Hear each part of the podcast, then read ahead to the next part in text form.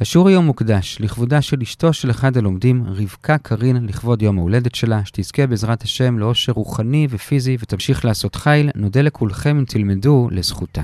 כל מי שרוצה להקדיש שיעור וממש בזכותכם יצא עוד שיעור לאוויר, מוזמן להיכנס לאתר סיני, ושם למעלה תראו בתפריט. השיעור היום לעילוי נשמת הרב שמואל צבי בן הרב פנחס ורנר זיכרונו לברכה וזוגתו פסל רחל בת רב אברהם יעקב זיכרונו לברכה. השיעור נתרם על ידי האחים למשפחת ורנר, בלגיה. שלום לכולם, אנחנו לומדים את דף ו' במסכת כתובות באתר sny.org.il. היום יש לנו לימוד ארוך, אנחנו מתחילים בשורה 12 בה' עמוד ב' ונסיים בשורה הראשונה בז' עמוד א', השיעור היום יהיה 13 וחצי דקות. אחרי שאתמול למדנו האם לחתן מותר לבעול את הבעילה הראשונה שלו במוצאי שבת, היום נדבר האם מותר לבעול את הבעילה הראשונה בערב שבת, כלומר ביום שישי בלילה, ואת הדיון לגבי זה נחלק לשבעה סעיפים. הסעיף הראשון זה באמת לא מהיום, אלא זה תזכורת לדברים שכבר ראינו, וזה שכבר ראינו ברייתות לגבי זה, גם בג' עמוד ב' וגם בד' עמוד א', ראינו ברייתות מפורשות שאוסרות לבעול בעילה ראשונה בערב שבת. אז הגמרא בה' עמוד א' הביאה סיבה שקשורה גם למה שראינו אתמול, וזה שמא ישחוט בשבת. כלומר, אם הוא בועל בערב שבת, אז כנראה שהחתונה הייתה ביום שישי בצהריים או אחרי הצהריים, ואנחנו חוששים שהיא תגלוש לתוך השבת עצמה, ואז אולי ישכחו קצת ששבת וישחטו בשבת עצמה, לכן אסור. זאת סיבה אחת שהגמרא הביאה, אבל זאת לא הסיבה שהובאה בברייתא. הסיבה שהובאה בברייתא בג' עמוד ב' זה שכשהוא בועל פעם ראשונה, הוא קורע את הבתולים, ובזה הוא עושה חבורה, ולכן זה אסור. עד כאן מה שכבר ראינו. עכשיו, בסעיף השני, זה כבר הגמרא אצלנו, והגמרא פותחת את השאלה מחדש, ומתלבטת האם זה אסור או מותר. הראשונים אומרים שהיא לא הכירה את אותם ברייתות שהזכרנו, ואנחנו נראה כאן גם את ההתלבטות של הגמרא, האם יש כאן בעיה של חבורה, וגם נראה עוד סיבה אפשרית לאסור, ונתלבט גם עליה. עכשיו את ההתלבטות הגמרא מחלקת לשתי כדי אמרי, אנחנו כאן נחבר בין שניהם בשביל לפשט, ואת ההתלבטות של הגמרא נחלק לחמישה שלבים. השלב הראשון זה להבין מה בכלל הבעיה, מבחינה מציאותית. אז עולה בגמרא שיש כאן בעצם שתי בעיות. בעיה אחת זה שהוא מוציא דם, שזה כאמור בעיה של חבורה. בעיה שנייה, שאת זה עוד לא הזכרנו, זה שבעצם פתיחת הפתח הוא מאפשר שיהיה אפשר לבוא עליה גם בעתיד, ובזה הוא בעצם בונה משהו, אז זה נחשב בונה. אלה שתי הבעיות. לגבי בונה הגמרא לא מתלבטת, כלומר יש כאן את הבעיה הזאת. לגבי הוצאת הדם, בזה הגמרא מתלבטת, כי זה תלוי האם הדם הוא מפקד פקיד או חבור עם מחבר. כלומר עד כמה הדם ממש חלק מהגוף. אם הוא סתם יושב שם ורק מחכה שיפתחו והוא יצא החוצה, כלומר שהוא לא מחובר לגוף, אז זה לא נחשב חבורה. זה סתם כמו דם בתוך שק שפתחו אותו, זה נקרא מפקד פקיד. אבל אם זה נחשב שהוא מחובר לגוף, אז זה כן נחשב חבורה, ויש בעיה גם בהוצאת הדם. אז שוב, שלב ראשון, יש לנו כאן בעצם שתי בעיות. בעיות. בעיה אחת זה פתיחת הפתח, שזה בעיה של בונה. בעיה שנייה זה הוצאת הדם, רק בהנחה שהדם הוא חבור עם מחבר, שאז באמת יש בזה איסור של חובל. שלב שני, אחרי שאנחנו יודעים מה הבעיה, אנחנו צריכים לבדוק האם זה דבר שמתכוון או דבר שאינו מתכוון. כלומר, האם הוא התכוון לאותה בעיה. כלומר, לגבי הפתח, האם הוא צריך את הפתח הזה, או שאותו מה שמעניין זה הדם, בשביל להראות שהיא בתולה, או הנאה שלו, והפתח זה רק דבר שהגיע ממילא, כלומר זה דבר שאינו מתכוון. ואותו דבר לגבי הדם, בהנחה שיש בעיה בדם, כי זה חבור עם מחבר, אז גם כן צריך לשאול האם הוא צריך את הדם הזה, או שהוא התכוון להנאת עצמו, והדם רק ממילא בא, וגם זה דבר שאינו מתכוון. עכשיו, אם זה דבר שמתכוון, אז בשלב הזה נניח שוודאי שזה אסור. אם זה דבר שאינו מתכוון, זה מוביל אותנו לשלב השלישי של הספק, וזה מה ההלכה בדבר שאינו מתכוון. לגבי זה יש מחלוקת מפורסמת בשבת בין רבי שמעון לרבי יהודה. רבי שמעון אומר שדבר שאינו מתכוון מותר, ואז מותר לבעול בשבת. רבי יהודה אומר שזה אסור. זה השלב שלישי. שלב רביעי ממשיך את שני השלבים הקודמים, וזה גם אם הייתה לו כוונה לדבר האסור, או שלא הייתה לו ולא צריך כוונה, כי אנחנו פוסקים כרב יהודה, עדיין אנחנו צריכים להתלבט האם הדבר הזה נחשב פעולה של תיקון או פעולה של קלקול. אם זה נחשב פעולה של תיקון, כלומר פעולה חיובית, אז ודאי שזה אסור. אבל אם זה נחשב פעולה של קלקול, אפילו שהוא רוצה את הפעולה הזאת, יש מחלוקת האם זה אסור, וכאן דווקא הדעות מתהפכות. רבי שמעון אומר שמקלקל אסור, בהנחה שהוא התכוון לזה, רבי יהודה אומר שמקלקל מותר אפילו שהוא התכוון, וזה בעצם השלב החמישי של הספק, האם הלכה במקלקל כרבי יהודה או כרבי שמעון. אז אלה חמשת השלבים, נשים לב ששלושה שלבים הם ספקות במציאות, או ספקות הלכתיים איך להגדיר את המציאות, ושני שלבים הם ספקות בהלכה כמי לפסוק. כלומר, שוב, השלב הראשון זה ספק במציאות, האם הדם הוא מפקד פקיד או חבור עם מחבר, ואז גם יש בעיה בדם, כשבעיה בעצם הפתח זה ודאי שיש. השלב השני זה עוד ספק במציאות, מה הכוונה שלו, אם הכוונה שלו זה לדם או לפתח או למשהו אחר, ואז זה דבר שאינו מתכוון, ואז השלב השלישי, בהנחה שזה לא מתכוון, זה כבר ספק הלכתי, האם פוסקים בזה כרבי שמעון, שזה מותר, או כרבי יהודה, שזה אסור. שלב רביעי זה עוד פעם סוג של ספק במציאות, האם זה נחשב מקלקל או מתקן, ושלב חמישי, שוב ספק בהלכה, בהנחה שזה מקלקל, האם פוסקים כרבי יהודה שזה מותר, או כרבי שמעון שזה אסור.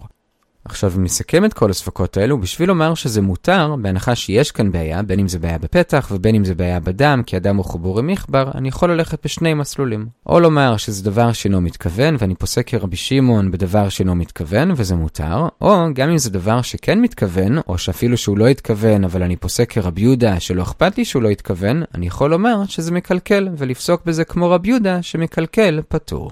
עד כאן שתי אפשרויות להתיר, זה מאוד פשוט בסופו של דבר, או מצד דבר שאינו מתכוון, או מצד מקלקל. עד כאן הסעיף השני. הסעיף השלישי של השיעור זה בשורה הראשונה בעמוד א', וזה אחרי שהבנו את הצדדים לאסור ולהתיר, הגמרא עוברת לראות מי אומר מה. ובסעיף הזה נתמקד ברב ושמואל. הגמרא מביאה שיש מחלוקת ביניהם לגבי זה, ומביאה שתי גרסאות, מי מהם הוא זה שמתיר לבעול בשבת בראשונה, ומי הוא זה שאוסר, ומיד אחרי זה הגמרא מביאה שתי סדרות של קושיות על שתי אפשרויות. הסדרה הראשונה זה שתי ראיות לזה שרב סובר כרב יהודה שדבר שאינו מתכוון אסור. ממילא אם זה אסור, איך אפשר לומר שהוא מתיר לבעול בשבת בראשונה? הרי דבר שאינו מתכוון אסור.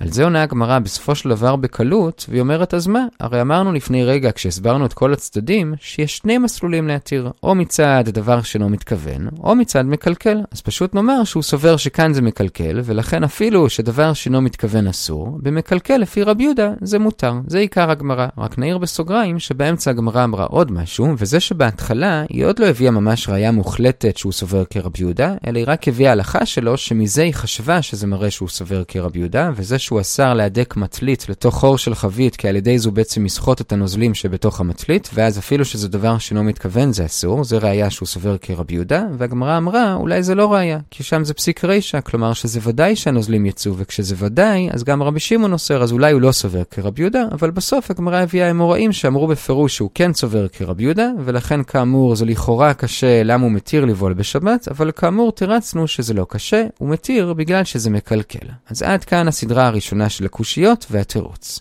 הסדרה השנייה של הקושיות זה שש שורות לפני סוף עמוד א', זה שתי קושיות על מי שאומר שאסור, בין אם זה רב בין אם זה שמואל.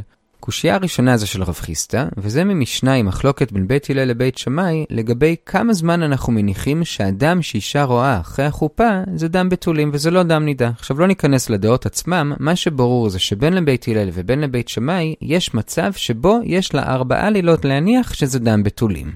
עכשיו, כשהמשנה אומרת שיש לה ארבעה לילות, היא לא סתם אומרת את המספר ארבע, אלא היא אומרת, יש לה מרביעי בלילה ועד מוצאי שבת. עכשיו, אומר רש"י, מזה שהמשנה הדגישה שיש לה עד מוצאי שבת, כנראה שהיא רצתה ללמד אותנו שמותר לו לבעול גם בשבת עצמה. עכשיו, מה החידוש בזה? למה שהיא אסור לו? אלא מניחה הגמרא שכנראה שכאן מדובר שהוא לא הצליח לגמרי לבעול ביום הראשון, וכשהוא יבעל בשבת יצא ממנה עוד דם, ושהחידוש של המשנה זה שגם זה מותר. כלומר, מכאן ראיה שמותר לבעול בשבת גם אם זה יגרום ליציאה של עוד דם. זה ראיה להתיר. אבל דוחה הגמרא, לא. יכול להיות שבאמת הוא בא לגמרי בלילה הראשון, והחידוש של המשנה כאן זה שזה מותר בשבת, אפילו שיש איזשהו ספק שאולי בכל זאת יצא איזשהו דם, לזה לא חוששים. כמו שאמר שמואל, פרצת חוקה מותר להיכנס בה בשבת ואף על פי שמשאיר צרורות, אבל לבעול בעילה ראשונה בשבת, או בעילה כזאת שממש מוציאה דם, זה יכול להיות שגם לפי המשנה הזאת, זה כבר אסור. אז את הראייה הראשונה שמותר דחינו, ואנחנו עוברים לראייה השנייה, זה בשורה השמינית בעמוד ב'.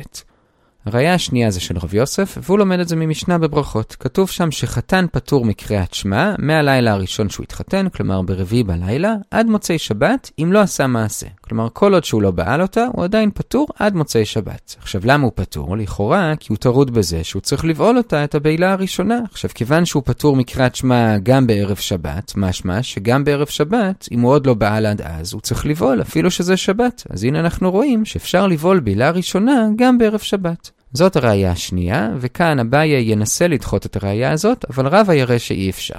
הניסיון של אביי לדחות זה לומר שהפטור כאן זה לא רק למי שלא בעל בכלל, אלא גם למי שניסה ולא ממש הצליח. כלומר, אפשר לומר שכאן מדובר שהוא כן ניסה לבעול אותה ברביעי בלילה או בחמישי בלילה, וזה לא הלך, ובשישי בלילה אסור לו לבעול אותה, כי אסור בשבת בעילה ראשונה, וזה שהוא פטור זה פשוט כי עד עכשיו הוא לא הצליח. זאת הדחייה של אביי, יכול להיות שבאמת גם למשנה הזאת אסור בשבת. אבל דוחה את זה רבא, לא יכול להיות שזה הסיבה לפטור, הרי אנחנו פוטרים מקריאת שמע רק מי שטרוד בטרדה של מצווה, כלומר הוא טרוד מזה שהוא הולך לבעול, אבל זה שהוא טרוד על זה שהוא לא הצליח, זה לא נקרא טרדה של מצווה. כמו שאדם אבל, או להבדיל מי שטבע ספינתו בים, לא פטור מקריאת שמע, גם זה לא סיבה לפטור. זו דעת רבא, אביי כנראה סובר שזה כן נחשב טרדה של מצווה, כי סוף סוף הוא טרוד מזה שהוא לא הצליח לקיים את המצווה. בכל אופן רבא כאמור אומר שזה לא סיבה לפטור, לכן אי אפשר לתרץ כך, אלא חייבים לומר לפי רבא שבאמת מהמשנה הזאת משמע שהוא בועל בראשונה בשבת עצמה, כלומר שמותר, ולכן באמת אומר רבא, אין ברירה אלא לומר שזה מחלוקת תנאים. וזה מוביל אותנו באמצע עמוד ב' לסעיף הרביעי של השיעור, וזה הדעות בתנאים. ולגבי זה נראה שתי מחלוקות תנאים. מחלוקת ראשונה זה המשך דברי רבא, וזה שהוא מביא שתי ברייתות בדיוק לגבי מה שאמרנו, ברייתה אחת שפוטרת גם ביום השלישי מהחתונה, כלומר ביום שישי בלילה, וברייתה שנייה שאומרת שברביעי וחמישי ומוצא שהוא פטור, אבל בשישי בלילה הוא צריך לקרוא קריאת שמע. אז רבא אומר שהמחלוקת כאן היא בעצם המחלוקת האם מותר לבעול בראשונה בשבת, אם מותר אז הוא פטור מקריאת שמע, אם אסור אז הוא חייב בקריאת שמע. בסוגריים נאמר שאביי אומר ששתי הברייתות אולי אוסרות לבעול בראשונה בשבת, והמחלוקת ביניהם זה האם תרדה על זה שהוא עוד לא הצליח לבעול, זה מספיק סיבה בשביל לפתור אותו מקריאת שמע. בכל אופן זאת מחלוקת הראשונים הראשונה. מחלוקת שנייה, שהיא כבר יותר מפורשת, זו מחלוקת ממש מפורשת בנושא שלנו, שזה תמיד הגמרא שומרת לסוף, וזה האם מותר לבעול בראשונה בשבת, תנא קמא אוסר וחכמים מתירים, ורבא בא ומקשר את זה למחלוקת רבי יהודה ורבי שמעון, כלומר הוא אומר שתנא קמא שאוסר זה כרבי יהודה, שדבר שאינו מתכוון אסור, וחכמים שמתירים זה רבי שמעון, שדבר שאינו מתכוון מותר. רק נעיר בסוגריים, כבר אמרנו מקודם שבאמת אפשר להתיר גם לרבי יהודה, אם נאמר שזה נחשב מקלקל. עד כאן הסעיף הרביעי, המחלוקות בתנאים.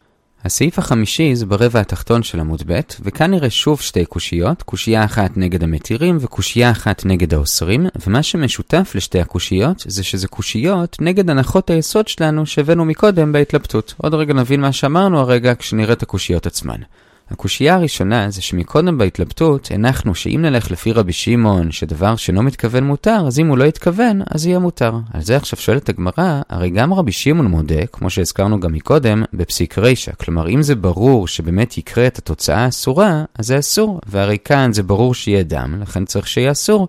עונה הגמרא, זה לא ברור, כי רוב האנשים בקיאים בהטייה, שזה איזושהי דרך לבעול בלי שיצא דם, וממילא, כיוון שזה לא ברור, זה לא פסיק רישא, וזה מותר לפי רבי שמעון. זו התשובה לשאלה הראשונה. עכשיו בסוגריים הגמרא שואלת על עצם התשובה הזאת, אם אתה מניח שרוב העולם בקיאים, אז למה מקודם אמרנו שחתן פטור מקריאת שמע? הרי אם הוא כל כך בקיא, ממה הוא כל כך טרוד שצריך לפתור אותו מקריאת שמע? ועונה הגמרא, באמת הפטור זה רק למי שלא בקיא. שאלה נוספת, למה צריך לשים סדין לבן בבעילת המצווה, ולמה צריך שושבינין שיבדקו מהר האם היה דם בשביל שהבעל לא יטען שהיא לא בתולה ובאמת היא כן בתולה, הרי אם הבעל רוצה לשקר ולטעון שהיא לא בתולה, הוא פשוט יכול לבעול אותה בהטייה, ואז לא יהיה דם, והוא יטען שהיא לא בתולה, אז למה צריך את הסדין ואת השושבינין? עונה הגמרא לפי רש"י, אם הוא יבעל בהטייה ויטען שהיא לא בתולה, אז זה לא בעיה, כי פשוט אומר, אני עדיין בתולה, והיא יכולה להוכיח את זה. כל החשש זה שהוא יבעל כרגיל, ובאמת כן יהיה דם, והוא ינסה להעלים את זה. לכן אנחנו צריכים מפה וצריכים שושבינין בשביל שהוא לא יעשה את זה, וזה לא סותר את זה שרוב האנשים בקיאים בהטייה.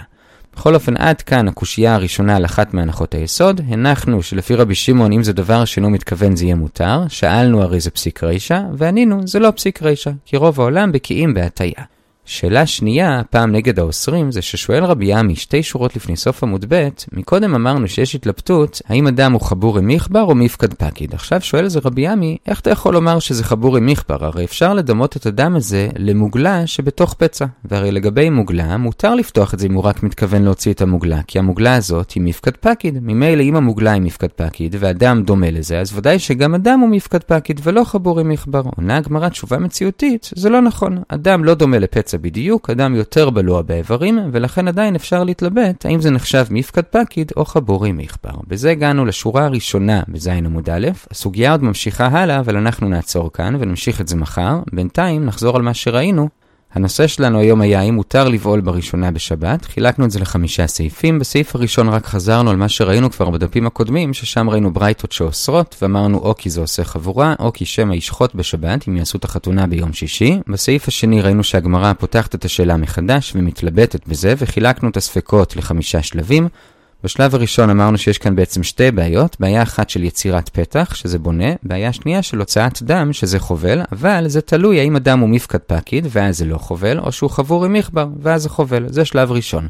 שלב שני, בין לגבי הפתח ובין לגבי הוצאת הדם, צריך לשאול האם הוא מתכוון לאותה תוצאה או שהוא מתכוון למשהו אחר. ושלב שלישי, בהנחה שהוא מתכוון למשהו אחר, האם בכל זאת אוסרים, זה תלוי האם פוסקים כרבי שמעון שדבר שאינו מתכוון מותר, או כרבי יהודה שדבר שאינו מתכוון אסור. ושלב רביעי, גם אם נאמר שדבר שאינו מתכוון אסור, או שהוא אפילו התכוון לדבר האסור, בכל זאת זה אסור רק אם זה נחשב פעולה של תיקון ולא קלקול, אז צריך להתלבט האם זה נחשב תיקון או קלקול. ושלב חמישי, בהנחה שזה נחשב קלקול, האם זה באמת מתיר, לפי רבי יהודה זה מתיר, לפי רבי שמעון זה אוסר. אז לסיכום, בשביל להתיר יש לנו שני מסלולים, או לומר שהוא לא התכוון לזה ולפסוק כרבי שמעון שדבר שלא מתכוון מותר, או לומר אפילו אם מתכוון או שלא צריך כוונה לפסוק כרבי יהודה שמקלקל מותר. עד כאן הסעיף השני.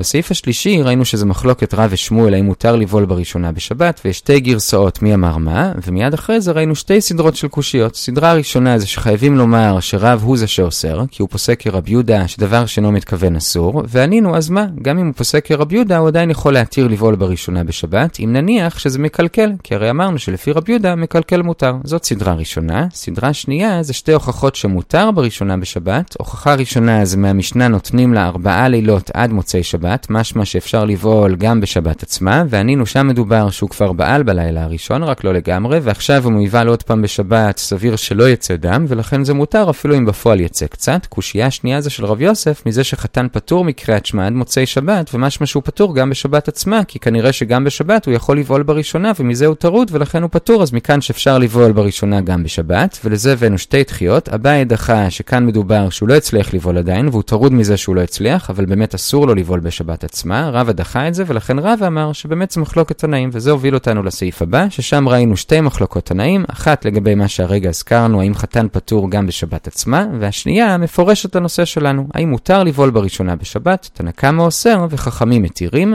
ורבא תלה את זה במחלוקת רבי יהודה ורבי שמעון, האם דבר שאינו מתכוון אסור או מותר. בסעיף החמישי והאחרון ראינו עוד שתי קושיות על המתירים והאוסרים, הפעם על הנחות היסוד, כלומר הקושייה הראשונה הייתה על מה שאמרנו שלפי רבי שמעון אפשר להתיר כי זה דבר שאינו מתכוון, הקשינו הרי זה פסיק רישא כי ודאי שיצא דם, וענינו זה לא פסיק רישא כי הרוב בקיאים לבעול בהטייה ואז לא יצא דם. קושייה שנייה, איך אמרנו מקודם שיכול להיות שהדם הוא חבור עם מכבר ולכן אסור, הרי זה כמו מוגלה בפצע ושם ודאי שמותר כי זה מפקד פקיד, עונה הגמרא זה לא כמו מוגלה בפצע, הדם יותר מחובר ולכן יכול להיות שלכן זה אסור. אסור. וכאמור, מחר נמשיך בסוגיה הזאת עם עוד כמה דברים פשוטים, כל טוב בינתיים.